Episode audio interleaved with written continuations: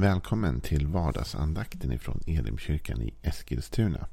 Jag heter Joel Backman och är pastor i Elimkyrkan. Vad roligt att du är med oss den här torsdagen.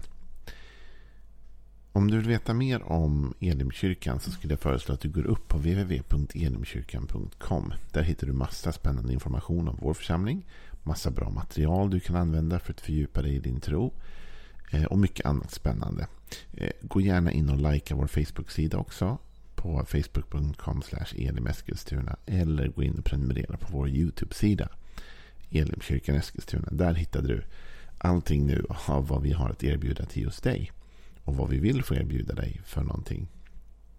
Eh, och Jag kan också tipsa om att om du tycker att det här är väldigt bra, om det ger dig någonting med de här vardagsandakterna så erbjuder vi såklart det gratis. Men Samtidigt vill vi säga att det finns en möjlighet för dig som, som vill vara med och stötta och ge en gåva att göra det. Kan du gå på elimkyrkan.com så hittar du swishnummer och annan nyttig information där. Idag så ska vi tala vidare om tio Guds bud. Vi är ju inne i en, en liten serie om det kan man säga, där vi går igenom buden. Och, och vi har det här perspektivet med oss att buden är bra. Buden är goda, buden är till för vårt bästa. Och i det bud som vi ska ta upp idag, som är det tredje budet, så blir det väldigt, väldigt tydligt. Det kanske är det mest tydliga budet vad det gäller att det gynnar och gagnar oss. Vi började ju faktiskt den här veckan med att allmänt tala om Guds regler och bud och ord. Och hur David talade om att det gav frihet och att det gav liv och att det gav lycka. Eh, så vi ska se detta som något positivt. Vi ska se detta som något bra. Det kan ju ibland vara lite begränsande, självklart, eftersom det är ett sorts bud eller förbud. Men de leder till en större frihet. De leder till vårt eget bästa. Och det tredje budet ska vi läsa om nu. Och vi läser ju ur Andra Moseboken, det tjugonde kapitlet. Där Mose förmedlar de här buden till Israels folk. Och då står det i den åttonde versen. Tänk på att hålla sabbatsdagen helig. Sex dagar ska du arbeta och sköta dina sysslor. Men den sjunde dagen är Herren din Guds sabbat. Då ska du inte utföra något arbete. Varken du eller din son eller din dotter, din slav eller din slavinna, din boskap eller invandraren i dina städer. Ty på sex dagar gjorde Herren himmel och jorden och havet och allt vad de rymmer. Men på den sjunde dagen vilade han. Därför har Herren välsignat sabbatsdagen och gjort den till en helig dag. Här talas det om sabbatsdagen, vilodagen. Och att vi ska komma ihåg att hålla den helig. Helig det är ju ett bibliskt eh, ord. Det är ett sånt där som om du, om du är troende, om du är kristen och du har hört det många, många gånger. Om du inte är då du liksom eh, börjar just nu fundera kring kristen tro, kanske helig känns konstigt. Vad betyder det? Vad är det? Helig betyder egentligen avskild. Gud är helig därför att han är avskild. Avskild i meningen han är bara god, han är inte ond. Inte alls ond. Han är helt avskild från ondska. Gud är ljus, han är inget mörker. Han är helt avskild från det mörka. Så därför säger vi att Gud är helig. Vi säger Gud, du är avskild från, från ondska, från mörker, från allt det där. Liksom. Du är helig. Och här talas det om att vi ska hålla sabbatsdagen helig eller avskild. Alltså med andra ord, vi ska, den här dagen, sabbatsdagen, ska vara skild från de andra dagarna. Den ska inte vara de andra dagarna lik. Och det är klart att i den kristna västerländska traditionen så finns det ingen jätteutbredd tradition av sabbatsdagen. Inte som för det judiska folket som, som ju håller detta väldigt, väldigt levande. Men det innebär inte att vi, att vi ska försaka sabbaten som vi kanske har gjort eh, lite väl mycket. Och då menar jag inte den, den judiska sabbaten främst. Den judiska sabbaten är fantastisk och, och den har verkliga tydliga riktlinjer. Men nu är vi inte under lagen längre utan vi är i det nya förbundet. Men, men sabbatens funktion, vilket var vila, är viktigt och bör kommas ihåg. Men nu finns det två aspekter av detta. Budet, uppmaningen som vi får är att vila. Det är det det kommer fram till att vi ska vila. Men när man läser den här uppmaningen nu i tio Guds bud och hur, hur Mose förmedlar detta, då, eller hur Gud genom Mose förmedlar detta till Israels folk, så är det två eh, perspektiv som lyfts fram. Arbete och vila. det är faktiskt inte bara vila. Utan om man läser den här texten som vi läste nu. Så, så började den ju så här. Med att han säger. Tänk på att hålla sabbatsdagen helig. Sex dagar skall du arbeta. Och sköta alla dina sysslor. Men den sjunde dagen är Herren din Guds sabbat. Så här talas det om att vi ska arbeta. Vi ska jobba. Det lyfts fram ett perspektiv av att Gud har med människan skapat en mening som innebär sysselsättning. Ja, det står inte vilket jobb. Det står inte så här du ska jobba sex dagar i veckan som polis eller eh, åtta timmars dagar. Det står inte det. Va? Vi kan inte riktigt direkt liksom stoppa in detta på något sätt i vårt svenska arbetsliv. Men att vi ska ha en uppgift och att vi ska utföra någon form av uppdrag. Det är tydligt. Och det ska vi göra sex dagar. Och den sjunde säger han, då kan ni vila. Och då säger du så här, får jag inte vila två dagar? Jo, det får du väl. Men poängen här är att det är både arbete och vila. Vi är förtjänta av vilan. Vi till och med behöver vilan. Därför att vi först har arbetat. Och faktum är att när Gud skapar mänskligheten så är det första Gud gör är att ge dem en uppgift. Han ger dem en uppgift. Han säger nu ska ni liksom ta den här trädgården, Edens trädgård. Och ni ska bruka den och ni ska vårda den och ni ska se till så att den sprider sig över hela jorden. Människan fick en väldigt tydlig uppgift. Ni ska härska över djuren och över marken och allt detta. Så människan sätts direkt in i en uppgift. Va? Och på grund av att människan har en stor uppgift behöver människan också vila för den här uppgiften kommer trötta ut henne. Och om hon inte vilar så kommer hon att bränna ut sig själv såklart. Och jag undrar om det någonsin har varit mer relevant med ett sabbatsbud i Sverige än det just nu. För vi behöver vila. Men när man lyfter fram detta med arbete. Ehm, och jag är en väldigt produktiv människa. Jag är ju en sån som jobbar väldigt, väldigt mycket. Eh, och tycker om det också. Jag har någon sorts eh, driv inom mig. Att, att hela tiden hålla igång liksom. Ehm, jag satt på ett fik en gång. Och jag sitter ju ofta och pratar med många människor. Jag gillar att prata med människor. Jag gillar att prata och ta tid. Att sitta ner och snacka. Och det här var eh, för några år sedan i Elimkyrkan så fanns det en eh, ung driftig kille. Han har flyttat från Eskilstuna nu men, men en superduper kille verkligen. Och vi satt och, och fikade på ett fik. Och han berättade sin life story för mig och jag lyssnade på den. Och ofta så när man sitter med människor så det spännande i ett samtal med någon är att de, de, kan säga saker som man inte har tänkt att de ska säga. De kan överraska en. Och de kan säga saker och bidra med ett perspektiv som man själv inte har.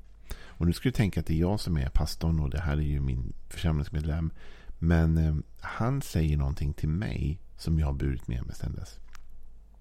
Vi pratade om vila och vi pratade om framförallt inte vila så mycket som vi pratade om kreativitet och produktivitet. Eftersom vi båda var väldigt, väldigt drivna personer. Och jag tror han kände det hos mig och jag såg det hos honom. Att vi var båda sådana här liksom, eh, som verkligen ville få jobbet gjort. Liksom, som ville få bidra och ville få arbeta. Och så säger han så här till mig. Ja men Gud vilade på den sjunde dagen sen. Så här sa han. Jag ser det så här. Gud vilade på den sjunde dagen. Men då hade han skapat ett universum på sex dagar. Jag hade aldrig tänkt på det så förut. Inte på det sättet. Han ville lyfta fram för mig, den här killen, att Gud var så oerhört produktiv på de här sex dagarna. Att det är klart han förtjänade en sjunde vilodag. Men indirekt sa han också du kan inte bara gå och ta massa vilodagar utan att först ha gjort någonting. Utan, och det hade han en poäng i. För om du läser sabbatsbudet vidare så står det att vi ska arbeta i sex dagar. Och det står också någonting om Gud här. Ska vi läsa det? Vers 11. Ty på sex dagar gjorde Herren himmel och jorden och havet och allt vad de rymmer. Men på den sjunde dagen vilade han. Så lyssna på under sex dagars tid så skapade Gud himmel, jord, hav och allt det som ryms inom dem. Och sen vilade han. Ja, det går att diskutera mycket vad det gäller skapelsetro och, och tanke om Skapade Gud verkligen världen på sex dagar eller var det sex tidsperioder? Eller vad, hur ska man se på det här? Det kan man se på olika sätt. Men det man inte kan se på olika sätt är att det hur som helst var sju olika tidsenheter. Och sex tidsenheter arbetade Gud och på den sjunde vilade han. Så du och jag får inte glömma bort att det finns också en uppgift. I sabbatsbudet ligger arbete. kanske inte var det du hade förväntat dig att höra i en handakt idag om sabbatsbudet. Men faktum är att i sabbatsbudet ligger också en grundtanke om arbete. Det vill säga vi ska vila när vi har arbetat. Och vi ska arbeta för Gud arbetade. Gud arbetade och skapade. Han var oerhört produktiv, oerhört kreativ. Han gjorde på några dagar det som egentligen skulle ta hur lång tid som helst. Gud skapade, han gör det, han är produktiv, han är kreativ. Han förväntar sig att vi ska vara produktiva, kreativa, skapande. Men inte alla dagar. Utan det finns en vilodag och den behöver vi tänka på. Och jag är rädd för, för att vända till vilan, att vi idag är mindre vilande än vi bör. Vi är ständigt uppkopplade, vi är ständigt jagade, vi är ständigt pressade. Vi ligger hela tiden på eh, och det blir liksom nonstop. Men du och jag, vi måste lära oss att ibland säga paus. Alltså nu har jag jobbat, nu kan jag vila. Det är okej okay att vila. Om du har gjort vad du kan och du har jobbat och du har slitit och du har varit kreativ och produktiv och allt det där med utifrån den energi såklart som du har och de möjligheter du har också. Men du har gjort det bästa du kan av dina dagar. Och så kommer du ändå till en punkt där du känner att nu är jag trött. Då måste du vila. För till och med Gud vilade. Du kan tänka så här, ah, men jag har inte tid att vila. Jag har inte möjlighet att vila. Eller liksom, jag måste jobba eller jag måste göra det här. Men du, om till och med Gud kunde vila. Om till och med Gud behövde vila, då behöver du det. Du kanske säger så här, ah, men jag är inte trött. Jag klarar det här. Du vet, jag kan klara mycket. Jag har hög arbetströskel eller jag har mycket ork eller jag har mycket förmåga. Ja, ja. Men du, om till och med Gud väljer att vila, då behöver du det. Eller är du bättre än Gud? Klarar du av ett högre tempo än honom? Alltså Gud vilar den sjunde dagen. Och det är klart att teologiskt ur något perspektiv så skulle säkert Gud kunna hålla igång nonstop. Det är inte det det handlar om. Men Gud ville ge oss ett exempel. Gud ville visa för oss att om vi inte kan vila, om vi inte kan njuta åt det vi har gjort. För lite är sabbaten också det. Sabbaten är en paus, ja, för att återhämta sig, hämta krafter. Men också en paus, tror jag, för att kunna se tillbaka på de där dagarna som har varit och känna att vi gjorde någonting bra. Alltså att kunna titta på sitt jobb och säga att det här var bra. Du vet, det är en spännande iakttagelse från skapelseberättelsen att Gud hela tiden stannar upp och säger det här var bra. Och Gud tyckte det var bra. Aha, okej, så han stannar, han reflekterar, han tittar på, han beaktar, betraktar det han har gjort. Du och jag, vi kan inte bara jobba ihjäl oss. Vi måste ibland också stanna och titta. Blev det bra? Är jag nöjd? Är jag tacksam? Är jag glad över livet? Vart är det jag hade tänkt? Vad har mitt arbete lett till? Om vi inte tar den sabbatsvilan och vi inte tar den pausen finns det en annan fara. Och det är att vi arbetar förgäves med saker vi inte borde. För vi stannar aldrig upp och tittar på det och reflekterar över det. Men om vi stannar upp så kanske vi inser att den här, de här sex dagarna nu har jag ägnat mig åt en massa grejer som inte alls blev bra. Som inte alls var produktiva eller lyckliga eller, eller nyttiga. Oj, jag måste ändra det. Vi måste stanna upp. Vi måste ta en paus. Och det här budet om vila och arbete kanske man ska säga. Men framförallt vila ska vi inte se som ett bud i meningen begränsning utan i frihet. Faktum är att när Jesus vid ett tillfälle blir anklagad för att han gör någonting på sabbaten som de inte tycker han borde och så. Eh, då svarar ju faktiskt Jesus de här människorna att eh, i Markus 2.27 och Jesus sa till dem sabbaten blev till för människan och inte människan för sabbaten. Så med andra ord säger han så här. Det, det, sabbaten är inte till, det är inte någon lag som vi ska hålla för att vi ska hålla lagen. Sabbaten instiftade Gud därför att människan behövde den och behöver den. Människan behöver vila. Människan behöver få en paus. Efter det att människan har jobbat, vilket hon är skapt till, så behöver hon också en paus. Och hon behöver en vila. Och om du är funtad som jag då, att du är lite halvarbetsnarkoman och gillar att jobba, gillar pressen, gillar tempot, allt det där, gillar att ligga på nästa projekt, nästa grej, entreprenör. Då är det så här att då behöver du också lära dig att vila. Jag är inte så värst bra på det. Jag behöver bli bättre på det. Jag behöver lära mig att ta en dag avskild för vila, avskild för lugn, avskild för tid med Gud och tid med min familj och tid med andra. Jag behöver en dag att pausa och det tror jag du också behöver. Och Gud har gett oss det exemplet. Så jag avslutar med den här mannen sa till mig, den här killen, den här sköna grabben som sa till mig. Du vet på den sjunde dagen vilade Gud. Men då hade han skapat ett universum på sex dagar. Låt det vara en tanke att bära med dig idag. Ha en riktigt välsignad torsdag. Hej då.